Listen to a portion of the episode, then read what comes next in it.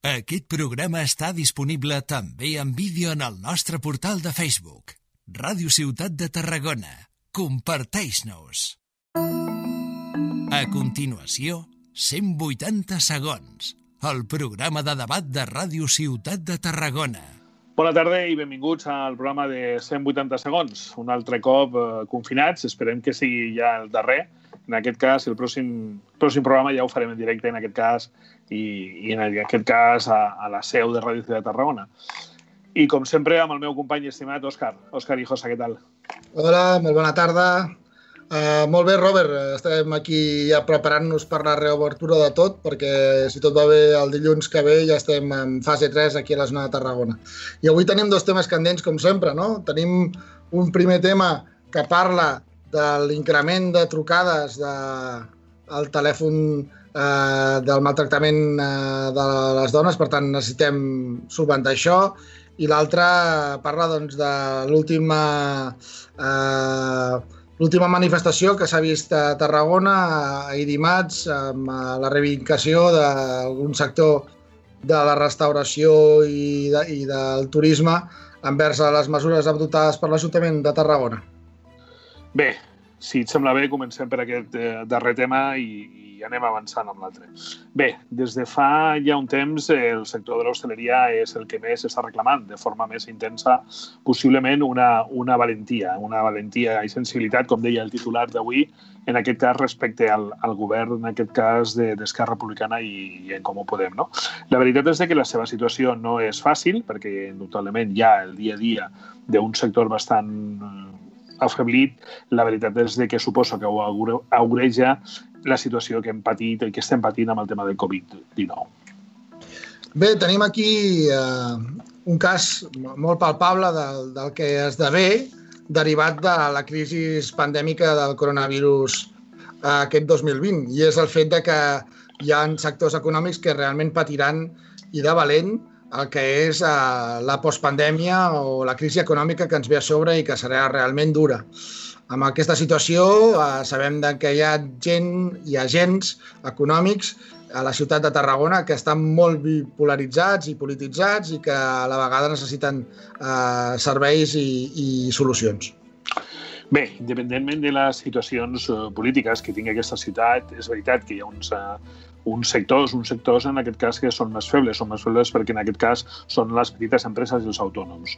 Són normalment els que li donen vida a les ciutats i són els que normalment en aquest cas són el motor, encara que econòmicament és molt més fort doncs, el que és la part de, eh, en aquest cas el turisme, en, en grans trets, i la, la petroquímica que tenim en, aquest, que, en aquesta ciutat i en aquest, i al Camp de Tarragona en general. No? Important, eh, torno a repetir, les administracions s'han d'implicar amb els més febles, s'han d'implicar en aquest cas cas a través de les seves eines. I les seves eines doncs, poden ser, en aquest cas, les millores a nivell de serveis o les de, en aquest cas, el, perdó de possiblement una sèrie de tasses que aquest any possiblement serien complicades de, de fer fronts, de fer front al petit comerç i amb aquells autònoms que han tingut aquesta iniciativa. Bueno, cal recordar que estem en estat d'alarma i aquest estat d'alarma ha estat eh, imposat pel govern central que ha reunificat totes les les seves eh, facultats per poder treballar d'una manera uniforme a tot l'estat espanyol. Això té avantatges i té inconvenients i com que estem encara en fase 2 ens implica que no podem fer el que volem sinó hem de fer el que ens diuen. I per tant, aquí estem lligats de mans i peu tots, tant els ajuntaments com les administracions públiques de caire eh, autonòmic o, o de país i aquí, a més a més, tenim eh, doncs, eh, el, els agents econòmics com poden ser comerciants i d'altres. Clar, mm, les mesures que ha adoptat l'Ajuntament a dia d'avui són les que estaven marcades, el, el tema que ens ha vingut de Madrid. I a més a més ja s'estipula que hi haurà set carrers tancats per a ús només de terrasses, restauració i de l'àmbit, eh, diguéssim, de bars i restaurants. Per tant, hi han mesures aplicades, però no és prou. Bé, la realitat és la que és i al final fer la culpa en aquest cas de l'administració de més amunt jo crec que és un, una, vell, un vell recorregut en el que jo crec que la gent se'n cansa. La veritat és que l'hostaleria eh, ja fa temps, fins i tot abans del Covid-19, que tenia una, en aquest cas una polèmica, amb una situació, en aquest cas en les terrasses, notablement agreujada per la situació que han tingut ara.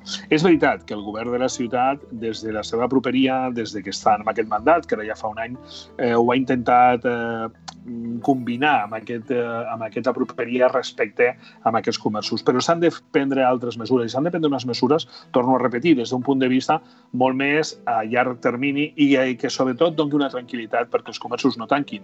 I no tanquin i no facin fora, en aquest cas, amb aquella, amb aquelles persones que possiblement fa anys que les tenen, que indubtablement no tenen la capacitat que té una gran empresa ni una gran superfície per optimitzar aquests recursos.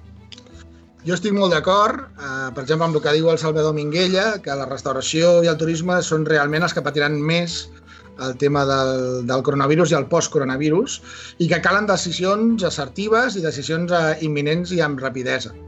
Però això també ho hem de eh, emmarcar en, en una realitat. O sigui, Tarragona, per exemple, hem estat 10 anys per acabar eh, un mercat central i tot aquest comerç d'aquell entorn va morir per culpa d'aquest tancament de 10 anys. I ara estem en una cosa que ja s'ha ampliat a tota la ciutat. Per tant, mesures que puguin facilitar que aquesta gent treballi de la forma més adequada possible, perfecte, però també hem de conviure amb els ciutadans. Tampoc no podem ara obrir totes les terrasses a tot arreu i que no hi hagi ús de pas. Per tant, necessitem també que hi hagi una regulació, eh, diguéssim, a la vegada que facilitadora, també que tingui en present que, que hem de conviure, i hem de conviure tots i amb unes realitats que seran complexes per a alguns sectors molt concrets. Bé, ningú demana cafè per a tots i ningú demana que, que lo anterior està ben fet. La realitat és que ja es porta un any governant, ningú ha demanat que s'arribi el Covid-19, ningú ha arribat que va arribar una explosió d'IQS, però el que sí que estem demanant en aquest cas les petits comerços i, i en aquest cas el sector hosteler d'una forma més, més dràstica, en aquest cas que es prenguin mesures i que es prenguin mesures en la mesura en la que pugui una administració local.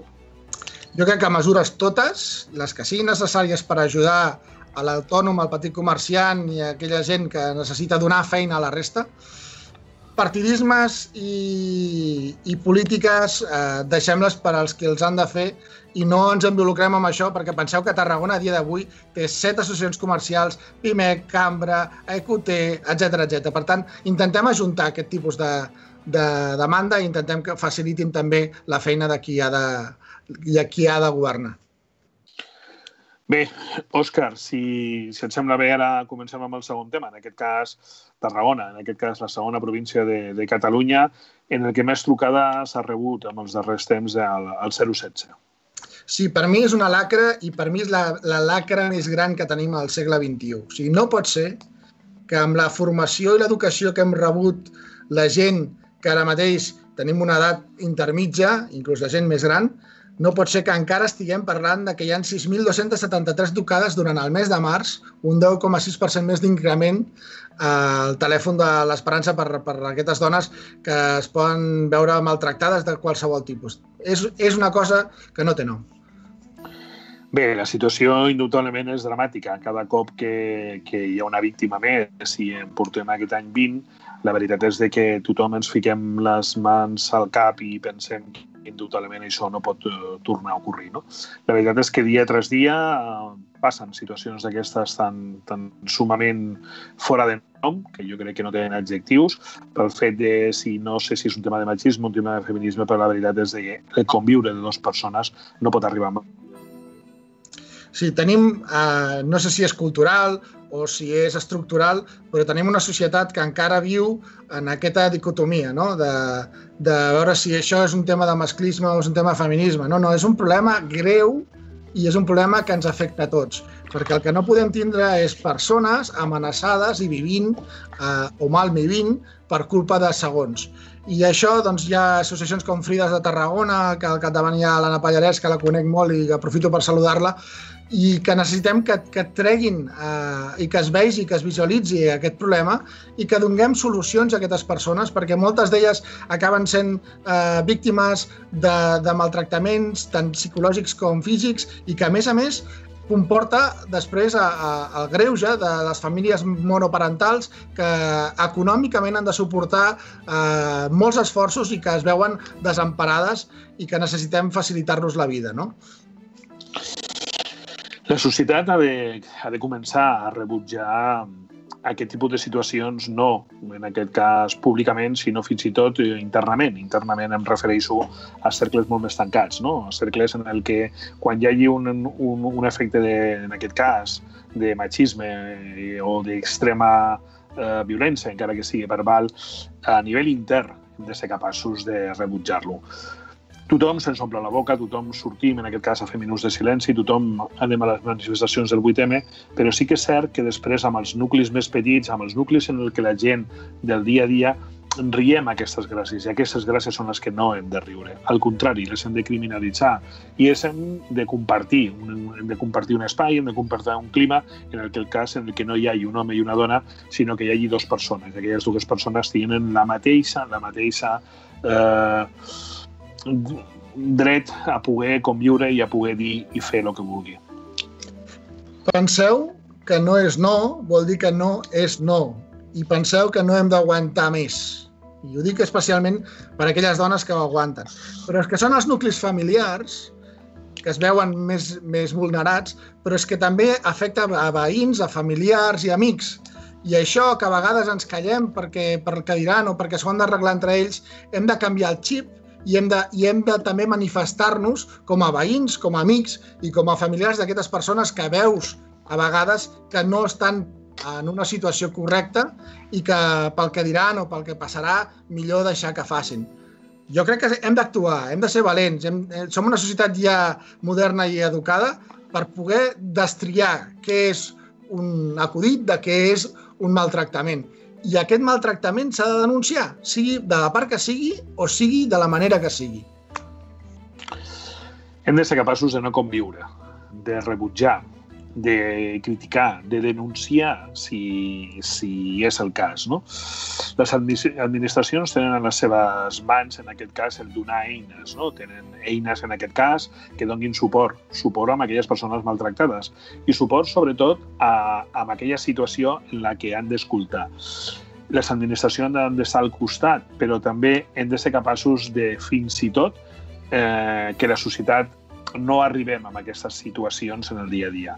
Jo crec que fins a punts com la cultura, com l'esport, com possiblement el món associatiu, ja rebutja d'una forma habitual aquest tipus de, de situacions. També és cert que la religió, possiblement, amb els seus extrems, no ajuda, però sí que és veritat que hem de ser capaços, tots plegats, de, de marcar unes línies que siguin infranqueables no només per la dona, sinó també per l'home estem fent petites passes a nivell laboral, a nivell esportiu, a nivell cultural, perquè la dona estigui en el lloc que li pertoca. Ens fa falta una passa de gegant amb l'àmbit eh, de la família, en l'àmbit del maltractament. Cal aturar-ho ja, o sigui, cal no esperar més. Cal que, a més a més, aquestes persones que s'han vist eh, maltractades tinguin tots els recursos necessaris de, del món públic i del món administratiu perquè puguin refer-se i cal, a més a més, a la comprensió de tota la societat. Bé, crec que des de fa ja alguns programes, als 180 segons, difícilment eh, tornarem a, a trobar un, un punt de vista, en aquest cas, en què estigui tan, tan d'acord, en aquest cas, amb l'Òscar com amb aquest punt.